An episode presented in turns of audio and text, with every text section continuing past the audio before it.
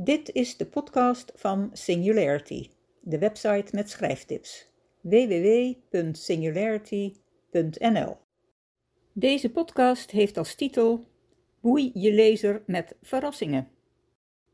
Je lezer blijft je boek doorlezen als het hem of haar boeit. Hoe je je boek boeiend maakt, daar kunnen verrassingen mee helpen. Zo kun je je lezer verrassen door iets te laten gebeuren wat ze niet verwachten. Onverwachte gebeurtenissen creëren verrassing doordat het beeld dat je lezer van de situatie heeft op zijn kop wordt gezet, waardoor ze extra nieuwsgierig wordt hoe de boel dan wel in elkaar zit en wat er verder gaat gebeuren. Onverwachte gebeurtenissen hoeven niet altijd van buitenaf te komen. Zo kan je personage je lezer ook verrassen door iets te doen wat hij of zij niet zag aankomen. Iets wat het tegengestelde is van wat je lezer van je personage verwachtte.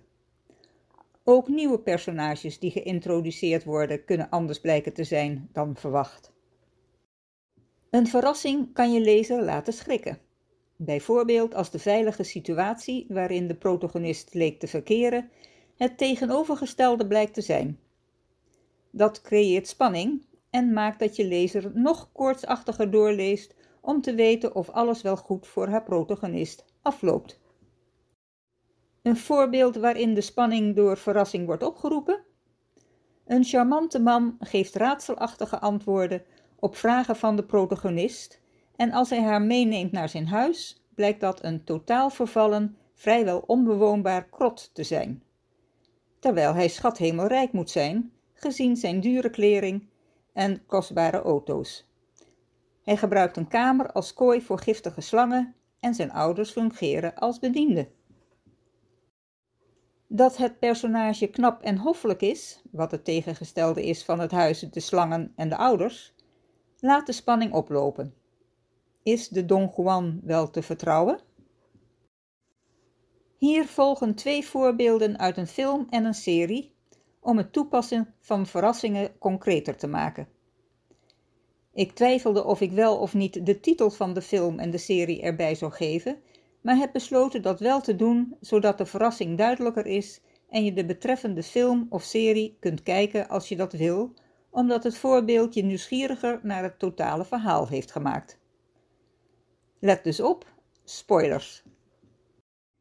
In de film The Guilty werkt Jake Gyllenhaal bij de alarmcentrale en krijgt een wanhopige vrouw aan de telefoon die met haar zoontje vlucht voor haar man die haar achtervolgt om haar kind te doden.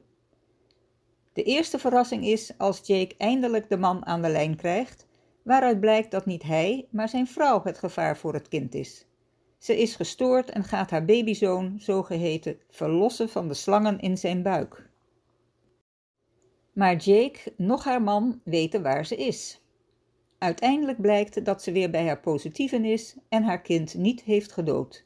Ze vindt het vreselijk wat ze bijna had gedaan en zegt dat ze zich van de brug gaat gooien, zodat haar zoontje veilig voor haar is. Haar man en Jake proberen van alles om haar tegen te houden, maar ze komen te laat bij de brug. Verrassing 2. Ze heeft zich toch niet van de brug gegooid. Tweede voorbeeld. In de serie Grey's Anatomy zijn de artsassistenten, voornamelijk chirurgen, goede vrienden en tegelijkertijd elkaars concurrenten bij het mee mogen werken aan operaties. Regelmatig komen de ambulances met gillende sirenes slachtoffers brengen, die er meestal gruwelijk aan toe zijn. Dan komt er een ambulance met een slachtoffer die een jonge vrouw wegsleurde van een bijna botsing met een bus, met als gevolg dat hij zelf een eind met de bus werd meegesleept. Hij is onherkenbaar, half bewusteloos en kan niet praten. Alle artsassistenten proberen vruchteloos hem te helpen. Als een van de artsassistenten, protagonist Meredith Grey, de volgende dag weer bij hem komt, merkt ze dat hij probeert iets duidelijk te maken. Met zijn vinger tekent hij een woord in haar handpalm dat ze niet meteen begrijpt. Dan dringt het tot haar door. Schrikt ze zich rot en roept ze in paniek haar collega's erbij. Einde scène, waardoor je op je nagels bijt van de spanning.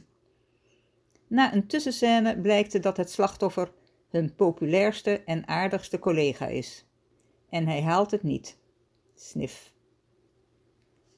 En zo ben ik aan het einde gekomen van deze podcast. Tot de volgende. Oh ja, vond je het leuk? Heb je er wat aan? Maak me dan blij door het te delen. Dankjewel.